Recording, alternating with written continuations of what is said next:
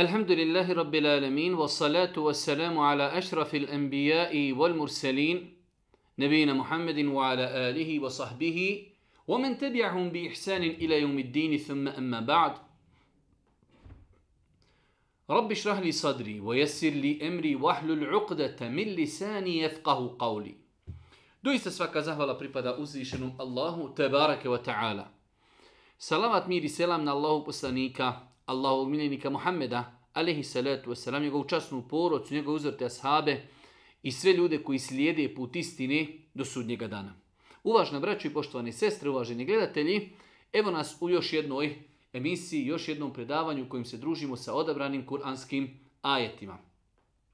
Za one koji možda prvi put prate sa nama ovu emisiju, mi smo od mjeseca Ramazana počeli da se družimo sa odabranim kuranskim ajetima, u deset dana Ramazana smo uh, se družili sa prvih deset džuzeva Kur'ana. Bilo je doista teško od 20 stranica Kur'ana odabrati 20-30 ajeta koje ćemo komentarisati u toku jedne večeri.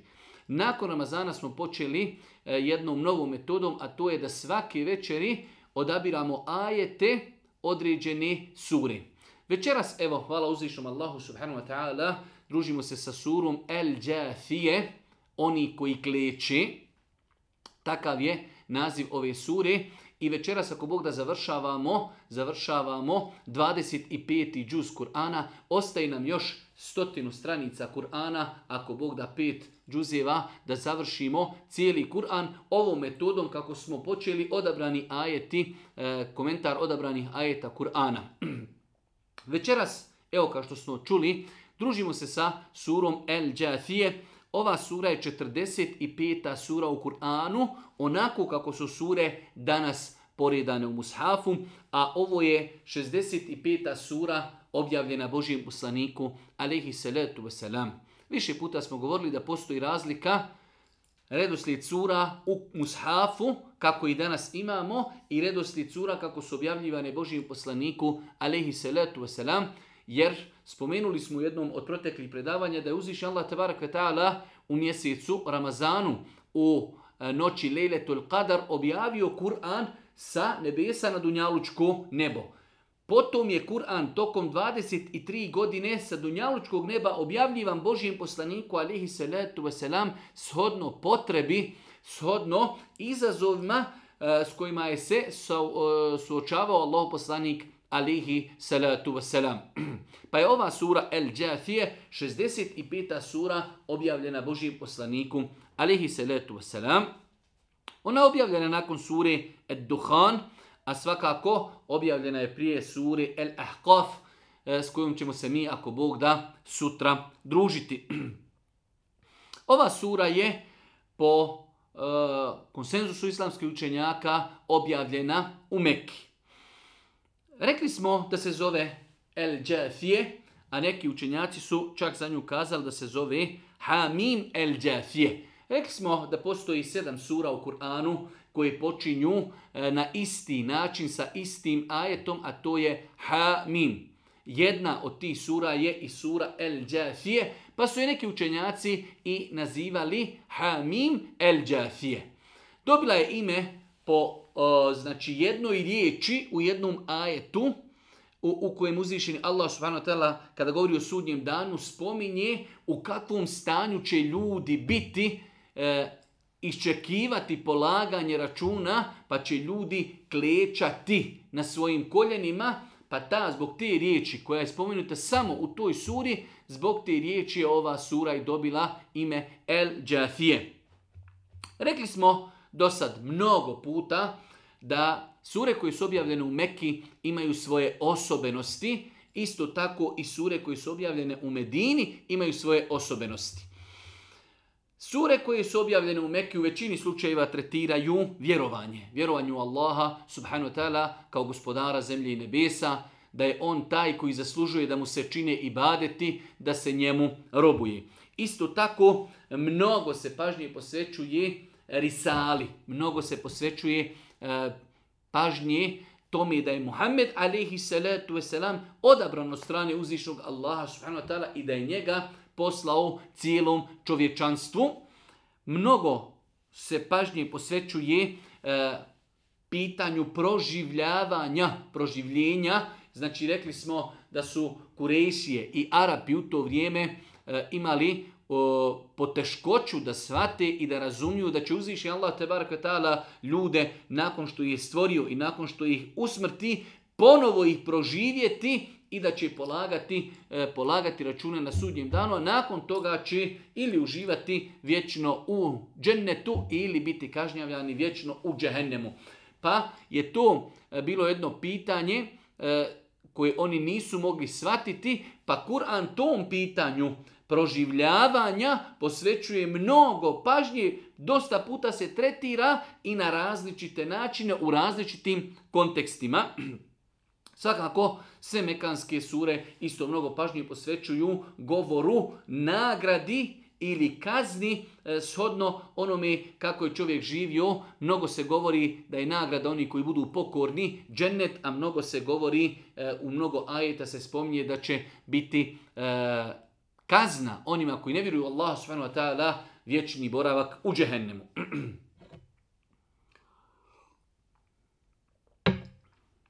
Uzvišnji Allah subhanahu wa ta'ala započinje ovu suru riječima Hamim, tenzilul kitabi min Allahi l-azizi l-hakim, inne fi semavati wal ardi le ajatin lil mu'minin, wa fi khalqikum, wa ma jebuthu min dabbeh, ajatun li qavmi Allah subhanahu wa ta'ala već, znači, e, započinje uzvišenje Allah subhanahu wa ta'ala ovu suru e, na način kako je započeo e, nekoliko drugih sura sa dva arapska harfa ha mim. Tenzilul kitabi min Allahil azizil hakim. Knjigu objavljuje Allah, silni i mudri. Knjigu Kur'an objavljuje uzvišeni Allah i rekli smo E, da su ovi ajeti jasan odgovor svima onima od vremena Božih poslanika pa do dana današnjeg koji sumnjaju u ispravnost Kur'ana, svima onima koji tvrde da je Muhammed taj koji je napisao Kur'an ili da je Muhammed e, prepisao Kur'an iz drugih nebeskih religija. Mi smo spomenuli e, više puta kada smo govorili o tom pitanju da je Allah subhanahu mudrost brila da Muhammed alejhi salatu vesselam iako je bio najbogobojazni i najčasni Allahov rob koji je kročio zemljom, Allahova mudrost je bila da ga je učinio nepismenim.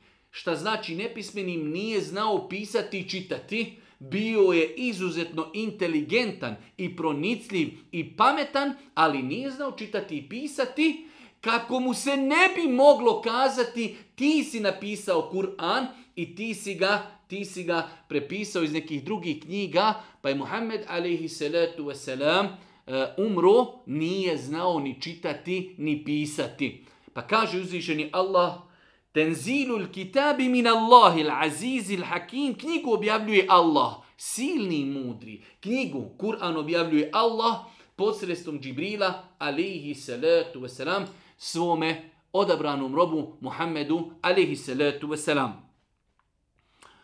Na nebesima i na zemlji zaista postoji dokaz za one koji vjeruju. Na nebesima i na zemlji. Pogledajte dosta puta u surama koji su objavljene u Mekki uzvišeni Allah subhanahu wa ta'ala govori o svojim stvorenjima, o njihovoj veličini, o njihovom savršenstvu, a sve to ukazuje na šta?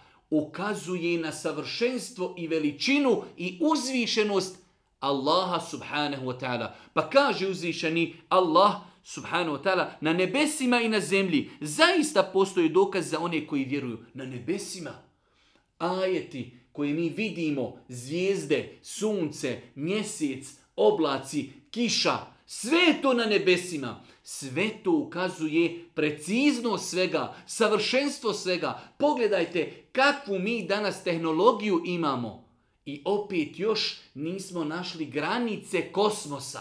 Još mi ne znamo E, koliko ima galaksija, koliko ima planeta, daleko smo mi još da shvatimo tu veličinu, pa uzvišeni Allah SWT ljude poziva da razmišljaju i na nebesima, i na zemlji, planine, rijeke, e, drveće, e, mora, okejani, životinje, ljudi.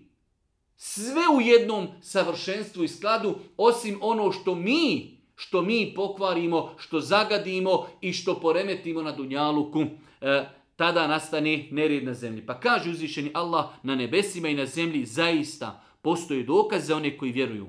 I stvaranje vas i životinja koje razasu, dokazi su za ljude koji čvrsto su ubjeđeni. Stvaranje vas u nama samima mnogo puta smo o tome govorili, je toliko dokaza koji ukazuju na savršenstvo uzvišenog Allaha. Kaže uzvišeni Allah na drugom mjestu u Kur'anu وَفِي أَنفُسِكُمْ أَفَلَا تُبَصِرُونَ i u vama samima vi imate dokaze, zar ne vidite? Zar se nećete opametiti? Pogledajte ovo ljudsko tijelo, savršenstvo.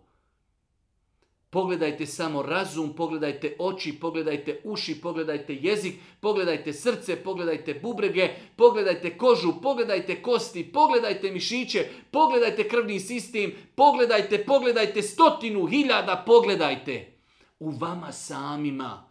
Pogledajte mi nešto napravimo.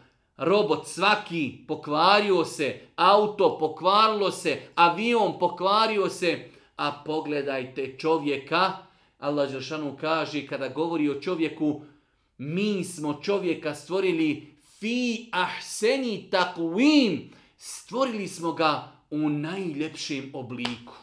Pa kaže uzvišeni Allah u vama samima i životinje koje su razasute po planeti stvorene od Allaha i u tome je dokaz onima koji hoće da razmišljaju. Pogledajte danas kada odete na televiziju, odete na internet, pa pogledajte one emisije koje govore o životinjama. Lepota, uživancija gledati savršenstvo tih Allahovih stvorenja, kako preživljavaju, kako žive i odlike određenih e, životnih zajednica. Zaista nešto fenomenalno, lijepo, savršeno, a sve to ukazuje na ukazuje na veličinu uzvišenog Allaha te barake wa i smjena noći i dana i kiša koju Allah s neba spušta da pomoću nje zemlju nakon mrtvila njezina oživi i promjene vjetra dokazu za ljude koji imaju pameti. I noć, i dan, i kiša koju Allah spušta sa neba na zemlju da bi oživio njome zemlju nakon njenog mrtvila i promjena vjetrova, sve, tu to, sve su to dokazi za ljude koji imaju pameti. Pogledajte kako lijepo dan dolazi, kako nastaje noć. Pogledajte kišu, pogledajte vjetrove. Danas sam baš mnogo pažnje posjetio ovom momentu. Kakvi je to koristi mi od vjetrova imamo? Pa vjetrovi su u prijašnjem vremenu, znači pomoću vjetrova su lađe pokrenute, koliko su vjetrovi bitni za kišu, koliko su vjetrovi bitni za oplodnju e, e, cvijeća, za oplodnju voća i tako dalje. Pa sve nam to uzvišeni Allah navodi kao dokaz njegove veličine dan i noć, kako precizno nastaje dan i noć, kako kiša dolazi, kako oživljava zemlju, zemlja bude mrtva, prašina, padne kiša, ona oživi. Allahu ekber. Sve su to dokazi onima koji razmišljaju, koji pameti, koji pameti imaju. Pa kaže uzvišeni Allah na kraju u šestom ajetu Tilke ajatullahi netluha alejke bil haq. Fe bi eji hadithin ba'da Allahi wa ajatihi ju'minun. To su Allahovi dokazi koje ti kao istinu navodimo. Pa u koje će, ako u Allahove riječi i dokaze njegove, oni neće vjerovati. Ako neće u ovu da vjeruju, pa u kakve druge će ajete vjerovati? Allah, vidjeli smo kakve, kakve sve načine i metode koristi da nam spomeni različite ajete i zemlja i nebesa i čovjek i vjetrovi i dan i noć i životinje i kiša i zemlja. Sve to ukazuje ukazuje na veličinu uzvišenog Allaha da je on stvoritelj, a kada je on stvoritelj, on je gospodar, a kada je on gospodar, onda se njemu moramo pokoriti i njemu samo i badete činiti.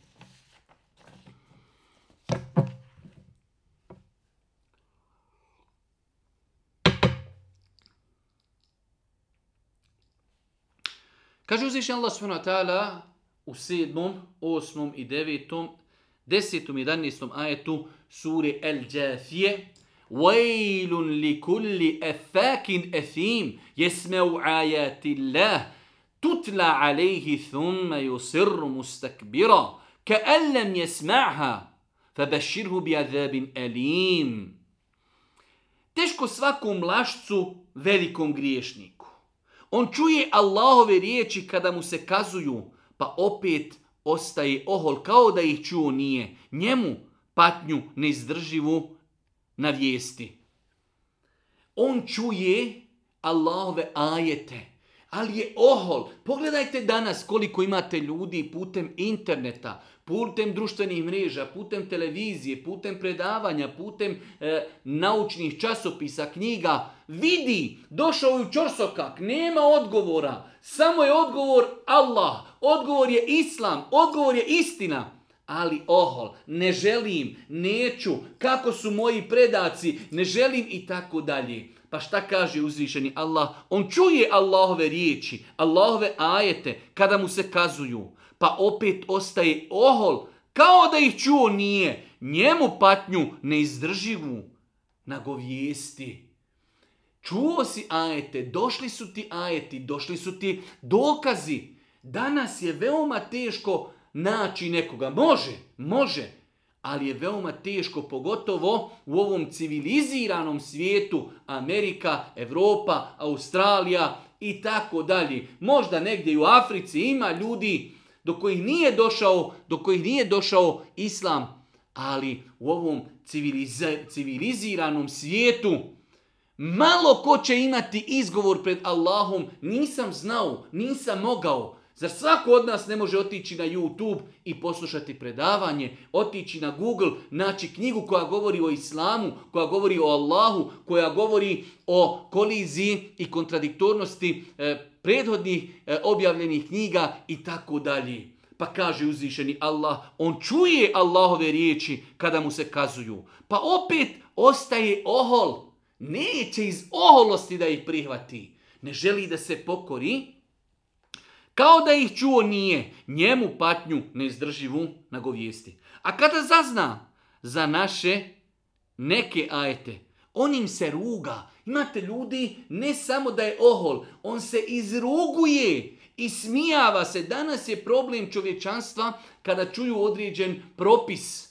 Onako uzet iz konteksta. U islamu se reže ruka. Oh, u islamu poligamija. Oh, pa se ljudi ismijavaju sa propisima islama. Pa kaže uzvišeni Allah, kada sazna za neke naše ajete, on im se ruga. Takvi ponižavajuća patnja čeka.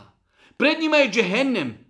I ni od kakve koristi im neće biti ono što su stekli, ni kumiri koje su pored Allaha prihvatili, njih čeka muka golema.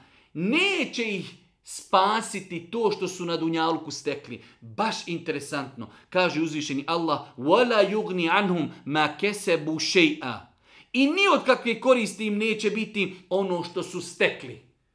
Stekao vile, stekao dvorce, stekao auta, stekao nekretnine. Ništa ti to neće vrijediti ako nisi vjerovao i ako nisi bio pokoran. Ako si bio ohol prema ajetima, koji su ti dolazili od uzvišenog Allaha subhanahu wa ta'ala i ni od kakve koristi im neće biti ono što su stekli. Ne smijemo se zavarati. Ne smijemo se zavarati da prodamo vječni ahiret za prolazni dunjaluk. Allah poslani kaže ko ne klanja i kindiju namaz, propala su mu sva dijela. Zbog dnevnice koja je 10 ili 20 ili 15 eura da nam propadnu sva dobra dijela koja smo učinili moramo paziti na sebe, na svoj iman, na svoj islam, na svoja dobra djela. Moramo raditi za ahiret, a svakako moramo ispunjavati svoje dunjalučke potrebe. Kaže uzvišeni Allah, Hada huda, keferu bi ajati rabbihim, lehum adabun min ridzin elim, Ovaj Kur'an je prava uputa. Aha. Govori nam uzvišeni Allah onima koji su E, oholi, govori onima koji, koji se izrugivaju, nakon toga daj da vidimo gdje je rješenje. Da vidimo, kaže uzvišeni Allah, Hada huda, ovaj Kur'an je prava uputa, a oni koji ne vjeruju u dokaze gospodara svoga čeka patnja nesnosna. Hada huda, ovo vam je o ljudi uputa. Inne hazel Kur'ane qurane jehdi lilleti hije aqwam doista Kur'an ukazuje i upućuje i usmjerava na najbolji mogući put. Hada, huda, o čovječanstvo, o ljudi, ovo vam je uputa, ovo vam je, ovo su vam smjernice od vašeg gospodara Allaha subhanahu wa ta'ala.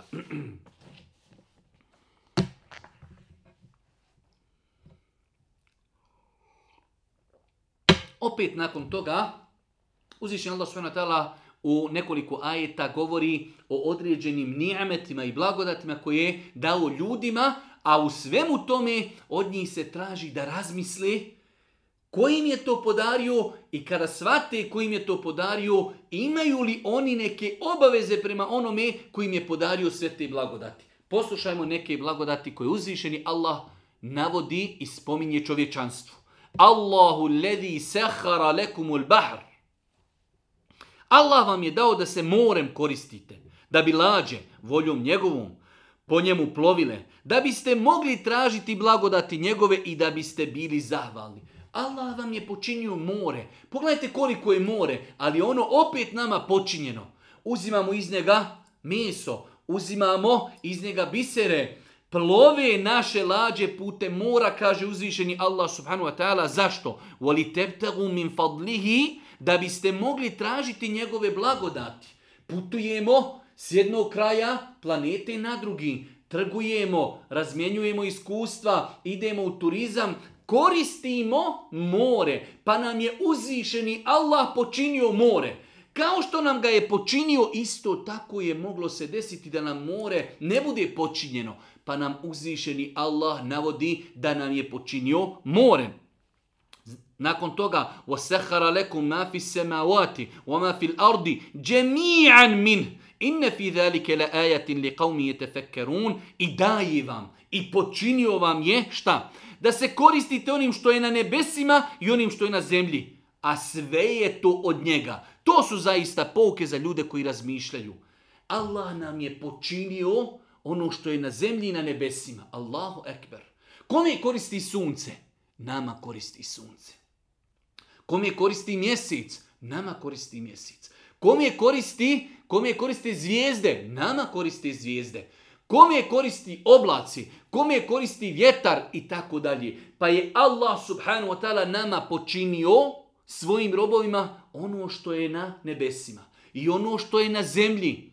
Kaže uzvišeni Allah i on vam je počinio ono E, da se koristite, koristite onim što je na nebesima i ono što je na zemlji. Sve je od njega.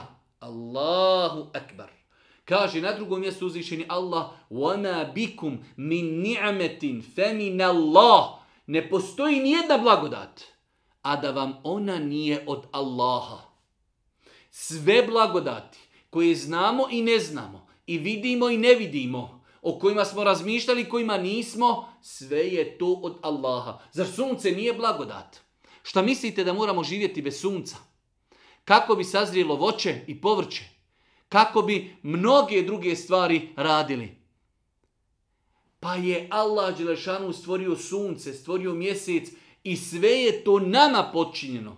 Pogledajte danas koliko koliko tehnologija otkriva i koristimo mi na dalekoj zemlji, koristimo sunčevu energiju. Allahu ekbar. Jer nam je to podčinio i dopustio uzvišeni Allah subhanahu wa ta'ala. Kaže uzvišeni Allah nakon što je spomenuo ovi blagodati da nam je počinio e, mora i lađe da bi e, tražila Allahove blagodati, da nam je počinio ono što je na zemlji i na nebesima i da je sve to od njega, kaže uzvišeni Allah, reci vjernicima da oproste onima koji ne očekuju Allahove dane, u kojima će on nagrati ljude za ono što su radili. Reci vjernicima, Muhammed Ali i Seletu, ove su sura objavljene u Mekki, bio je slab kada je u pitanju snaga i ekonomska i vojna i svaka druga, pa mu Allah Žešanu u tim momentima kaže reci muslimanima, svojim sljedbenicima, neka se strpi, neka oprosti. Komi? Onima kaže koji ne vjeruju u Allahove dane. Allahovi dani su dan polaganja računa, dan proživljenja, E takvim ljudima neka oprosti, neka se strpe. Zašto? Kaže uzvišeni Allah. Reci vjernicima da oprosti onima koji ne očekuju Allahove dane. U kojima će on nagraditi ljude za ono što su radili. To su dani kada će Allah nagraditi ljude za ono što su radili. Ko bude radio dobro, nagrađen će biti dobrom. Ko bude radio grijehe, bit će kažnjen. Pa završava uzvišeni Allah i kaže Men amila saliha feli وَمِنْ أَسَاءَ فَعَلَيْهَا ثُمَّ إِلَىٰ رَبِّكُمْ تُرْجَعُونَ Onaj ko čini dobro, sebi ga čini. A onaj ko radi zlo, radi protiv sebe, a na kraju ćete se gospodaru sume vratiti. Onaj ko radi dobro, zbog sebe, naša dobra dijela ne trebaju Allahu. Ovo moramo jednom za svagda naučiti. Allah je el-ganej apsolutno neovisan o svojim stvorenjima. Ko smo mi da je Allahu potreba naš ibadet? Daleko od toga. Pa je naša pokornost, naši ibadet i dobra djela za nas. Nama je potreba. A kada insan griješi, samo na svoju štetu griješi, niko na sudnjem danu neće reći, e slušaj, ti si griješio, daj nek mene danas kazni zbog tebe. vole teziru Nikakav griješnik neće snositi grijehe onoga drugog koji je činio grijehe mjesto njega. Niko! Ko uradi trun dobra, vidjet će ga. Ko uradi trun zla, vidjet će ga. Svako će odgovarati za svoje, za svoje postupke.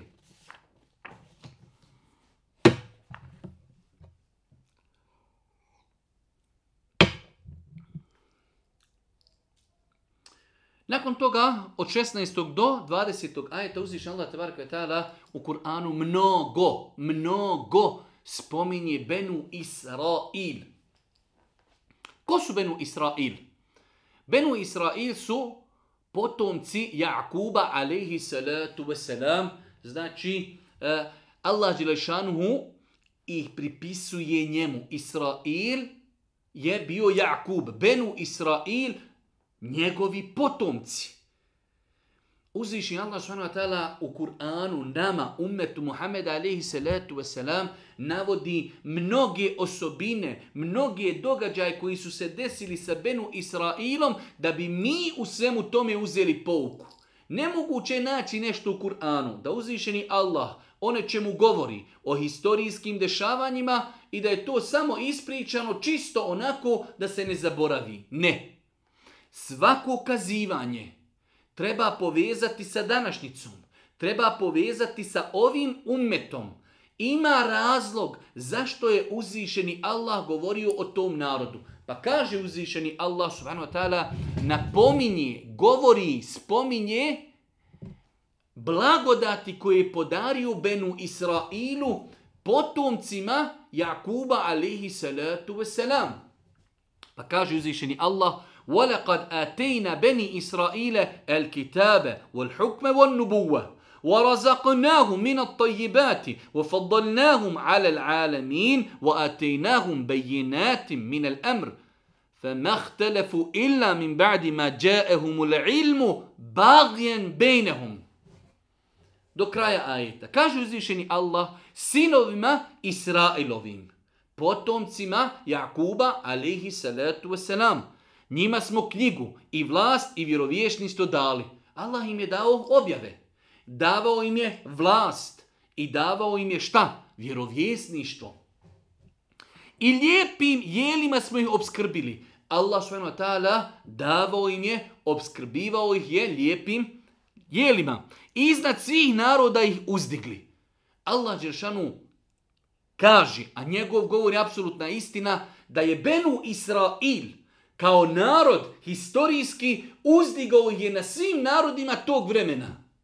Allah Đelešanu je taj koji ih uzdigao nad narodima koji su živjeli u tom vremenu. Pa kaže uzvišeni Allah, od blagodati je da im je dao i knjigu, i vlast, i vjerovjesništvo, i lijepa jela, i da ih je uzdigao iznad drugih naroda. I jasne dokaze o vjeri smo im dali. Imali su jasne dokaze u svojoj vjeri a oni su se podvojili baš onda kada su, e, kada su saznanja došla, kada, kada su dobili znanje, kada su dobili ilmu i ilm i objavu, tada su se podvojili. Šta kaže? I to zbog neprijateljstva i međusobne zavisti. Ovo je problem. Navodi nam uzvišeni Allah primjer Benu Israila, potomaka Jakuba alihi salatu wasalam, navodi blagodati koji su imali. Pa na kraju kaže dali smo im ilm i znanje. Taj ilm i znanje ih je treba ujediniti, a to znanje je njih razjedinilo zbog čega? Kaže to zbog neprijateljstva i međusobne zavisti. Na arapskom kaže uzvišeni Allah min badima ilmu bagjen bejnehum. Na dosta mjesta u Kur'anu se spominje ova fraza bagjen bejnehum. Umjesto da ih knjiga, objava, ilm i znanje, umjesto da ih ujedini, oni su se podvojili. Razišli se zbog ličnih interesa, zbog zavisti, zbog međusobnih problema, pa pogledajmo kako nam to uzvišeni Allah s.w.t. spominje kako mi ne bi pali u isti problem, a nažalost pogledajte danas stanje ummeta. Imaju istog gospodara, imaju istog poslanika, imaju istu knjigu, imaju isti sunnet i u koliko frakcija su se podijelili, u koliko sekti su se podijelili, koliko sada u ovom trenutku muslimana ratuje protiv muslimana, koliko je muslimana ubijeno od strane muslimana. Podvojili se, podijelili se zbog ličnih interesa, zbog zavisti. Pa nam je uzišeni Allah u Kur'anu govorio kako su prošli i kako je se desila historija sa potomcima Jakubovim, Benu Israilom, da se to ne bi desilo nama. I nažalost, desilo je se to nama. Gospodar tvoj će im na sudnjem danu sigurno presuti o onome oko čega su se razišli. A tebi smo, uzvišnji Allah nakon što je spomenuo blagodati prema Benu Israilu, i šta je bio razlog zašto su se razišli, kaže uzvišeni Allah ثم جعلناك على a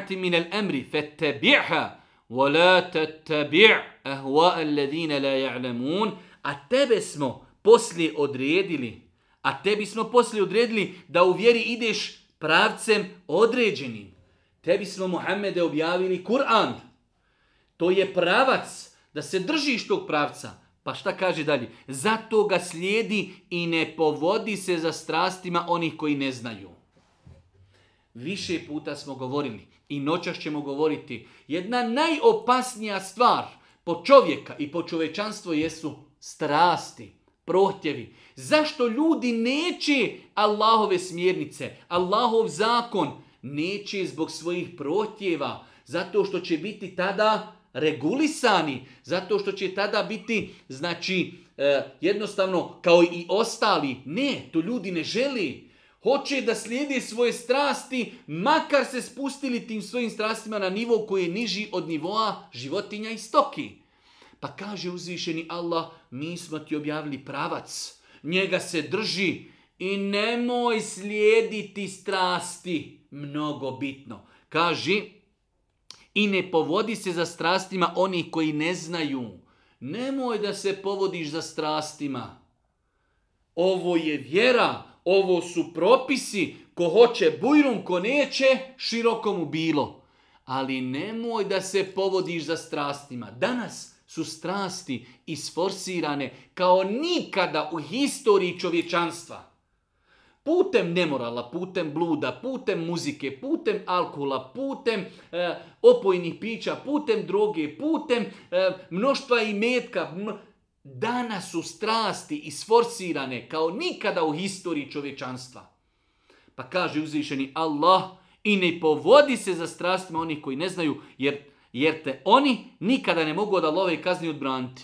Ako se budeš Mohamede povodio za njihovim strastima, oni treba da znaš, ne mogu te oni spasiti od Allahove subhanahu wa ta'ala kazni. Nevjernici jedni druge štiti a Allah štiti one koji ga se boje i grijeha kloni. Jedna od najvećih odlika vjernika, mu'mina, bogobojaznih jeste da je uzvišeni Allah taj koji njih štiti i koji ih pomaže na dunjaluku prije ahireta. Kaže uzvišeni Allah u 20. posljednjem ajetu ove cjeline هَذَا بَصَائِرُ لِنَّاسِ nas wa huden wa Ovaj Kur'an je putokaz ljudima i uputstvo i milost onima koji čvrsto vjeruju. Ovaj Kur'an je putokaz. Jedna stvar. Ovaj Kur'an je putokaz i uputstvo i milost. Tri stvari. Ovaj Kur'an je putokaz i ovaj Kur'an je uput, uputa i ovaj Kur'an je milost. Rahmet. Nekada u datom momentu čovjek čuje neki propis pa kaže ovaj propis je malo žestok. Nije on žestok, već je uzet iz konteksta, ali ga stavi u mozaik islama, stavi ga u mozaik čovječanstva, stavi ga u mozaik historije, pa ćeš vidjeti da je svaki propis islama apsolutna pravda. Ono što treba ljudima da bi uspjeli na Dunjaluku.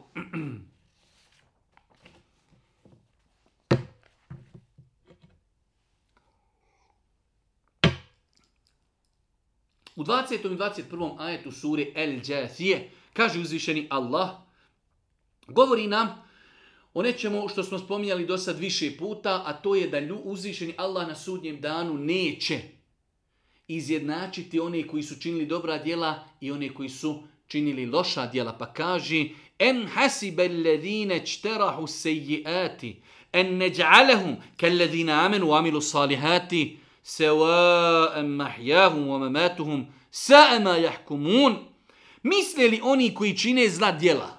Misle li oni koji griješe? Misle li oni koji su nepokorni? Misle li oni koji ne vjeruju? Šta? Misle li da ćemo s njima postupiti jednako kao sa onima koji vjeruju dobra djela čine? Da će im i život i smrt biti isti? Kako loše rasuđuju? Sa'ama jahkumun. U drugom ajetu kaže Allah Žešanu ma lekum kejfe tahkumun. Šta vam je? Kako rasuđujete? Ovdje kaže loše rasuđujete. Da će život i smrt biti isti oni koji vjeruju i koji ne vjeruju, oni koji su pokorni, oni koji su nepokorni. Nemoguća misija. Nemojte da vas zavaram. sad smo mnogo puta govorili da uzviši Allah subhanahu wa dunjaluk daje onima i onome koga voli i onoga ko, onome koga ne voli.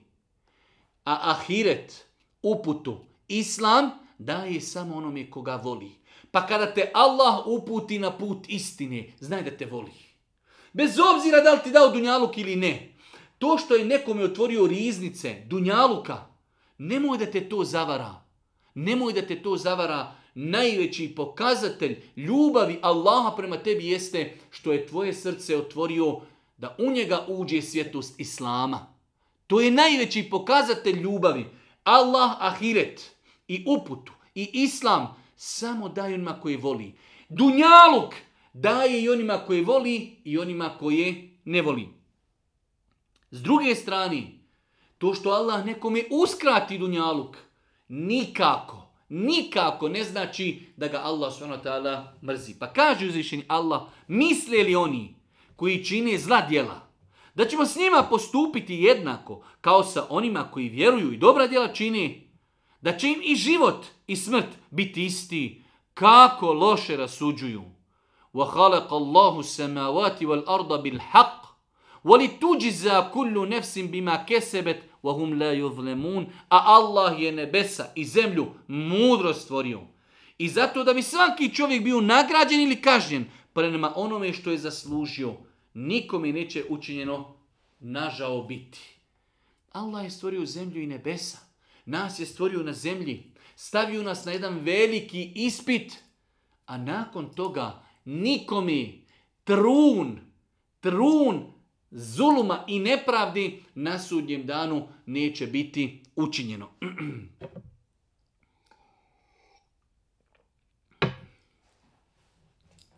Nakon toga, opet uzvišeni Allah Žešanu govori o ovoj suri o strastima.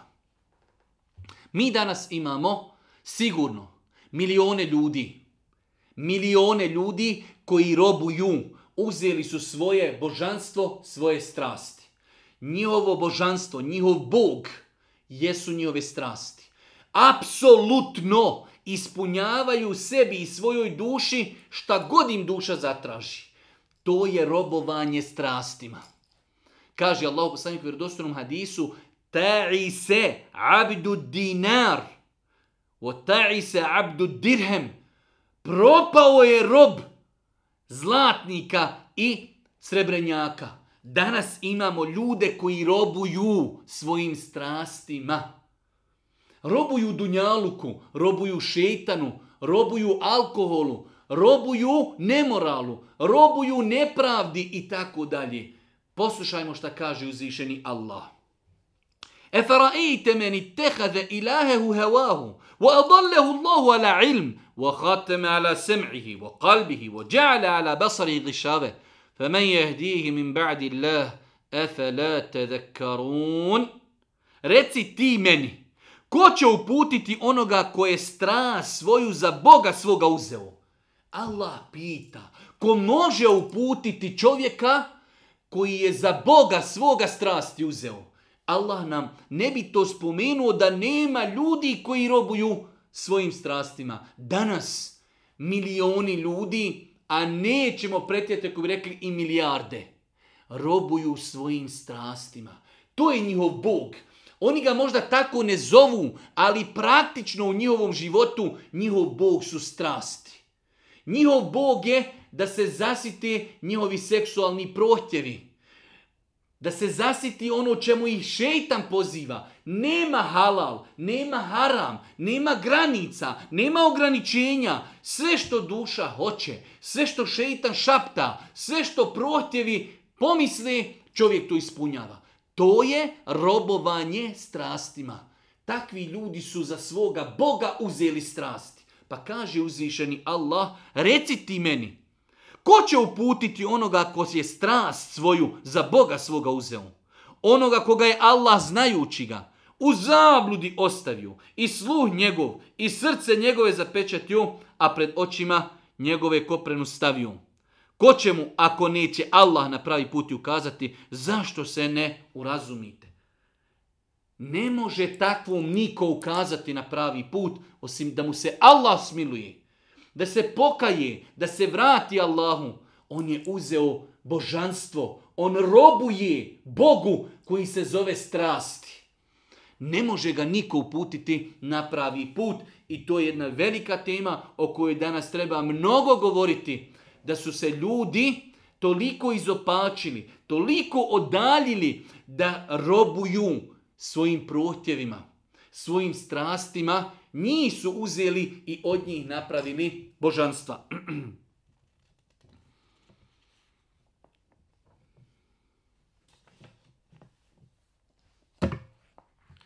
Nakon toga u 27. 8. i 9. ajetu jedna skupina ajeta u kojima Allah Žešanu spominje baš ovaj termin po kojem je ova sura i dobila ime الجاثية كاجوزي شني الله ولله ملك السماوات والأرض ويوم تقوم الساعة يومئذ يخسر المبطلون وترى كل أمة جاثية كل أمة تدعى إلى كتابها اليوم تجزون ما كنتم تعملون هذا كتابنا ينطق عليكم بالحق إنا كنا نستنسخ ما كنتم تعملون Ajeti koji govori o sudnjem danu, govori o Allahu, govori o njegovom znanju, govori o težini sudnjeg dana. Kaže Allah, Allahova je vlast na nebesima i na zemlji.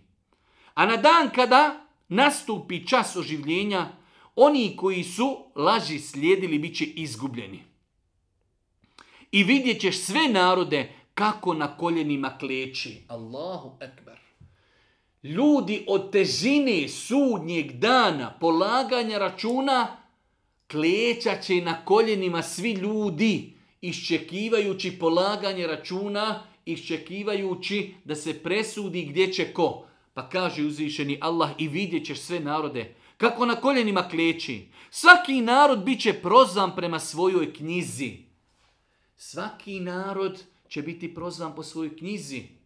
Pa mi, današnji ljudi na planeti, bit ćemo prozvani po Kur'anu, koliko smo radili po Kur'anu, koliko smo ga čitali, koliko smo ga prakticirali, koliko smo ga živjeli, koliko smo druge pozivali njemu. Ili smo zapostavili Kur'an, pa kaže uzvišeni Allah subhanu wa ta'ala Kullu ummetin tud'a ila kitabiha. Svaki narod bit će prozvan prema svojoj knjizi. Danas ćete biti nagrađeni ili kažnjeni prema tome kako ste postupali. Danas, sudnji dan, sada ćete biti nagrađeni ili kažnjeni kako ste postupali prema onome što se nalazilo u knjizi koja je vama objavljena, kaže uzvišeni Allah, Hada kitabuna jentiku alaikum bil Ova knjiga naša, knjiga u kojoj je zapisano sve, od stvaranja insana do sudnjeg dana, ova knjiga naša o vama će samo istinu reći. Jesmo naredili da se zapiše sve što ste radili. Allahova mudrost, Allahova pravda je da je čovjekov svaki postupak, svaka riječ evidentirana. Meleki zapisani, uzvišeni Allah čuo, naše tijelo će protiv nas svjedočiti, naše ruke i naše noge, i naša usta, i naše oči, i naše uši, i zemlja po kojoj smo hodili, i meleki koji su nas nadzirali. Sve će to svjedočiti protiv nas ili za nas na sudnjem danu, pa se insa ne treba zavaravati. Naročito danas, kada sjedimo u prostoriji gdje nema nikoga, imamo pristup cijelom svijetu, društvenim mrežama, internetu, youtube filmovima, serijama, sve je zapisano. Za sve ćemo odgovarati na sudnjem danu.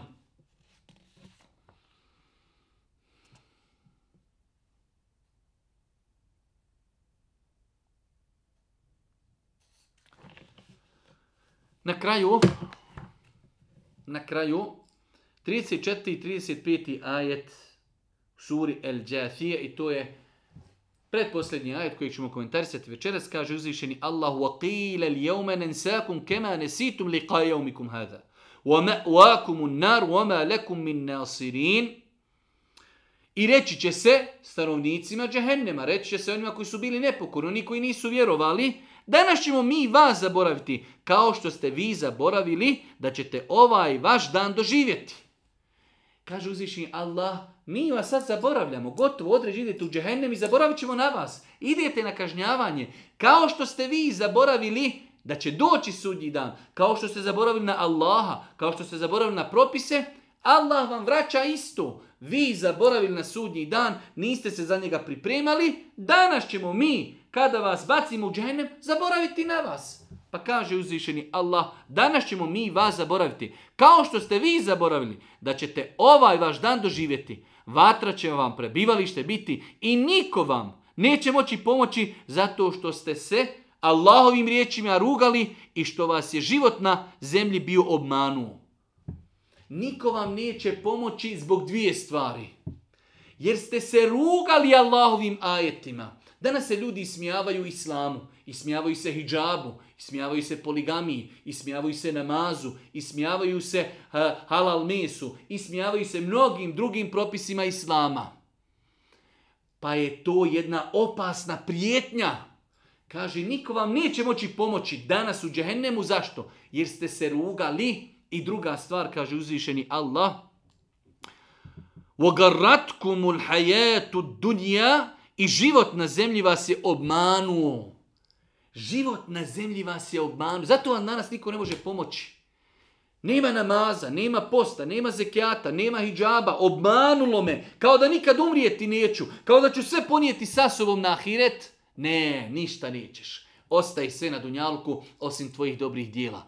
Pa dvije stvari, ismijavanje, ruganje sa vjerom i dunjaluk zaveo ljude, obmanuo ih.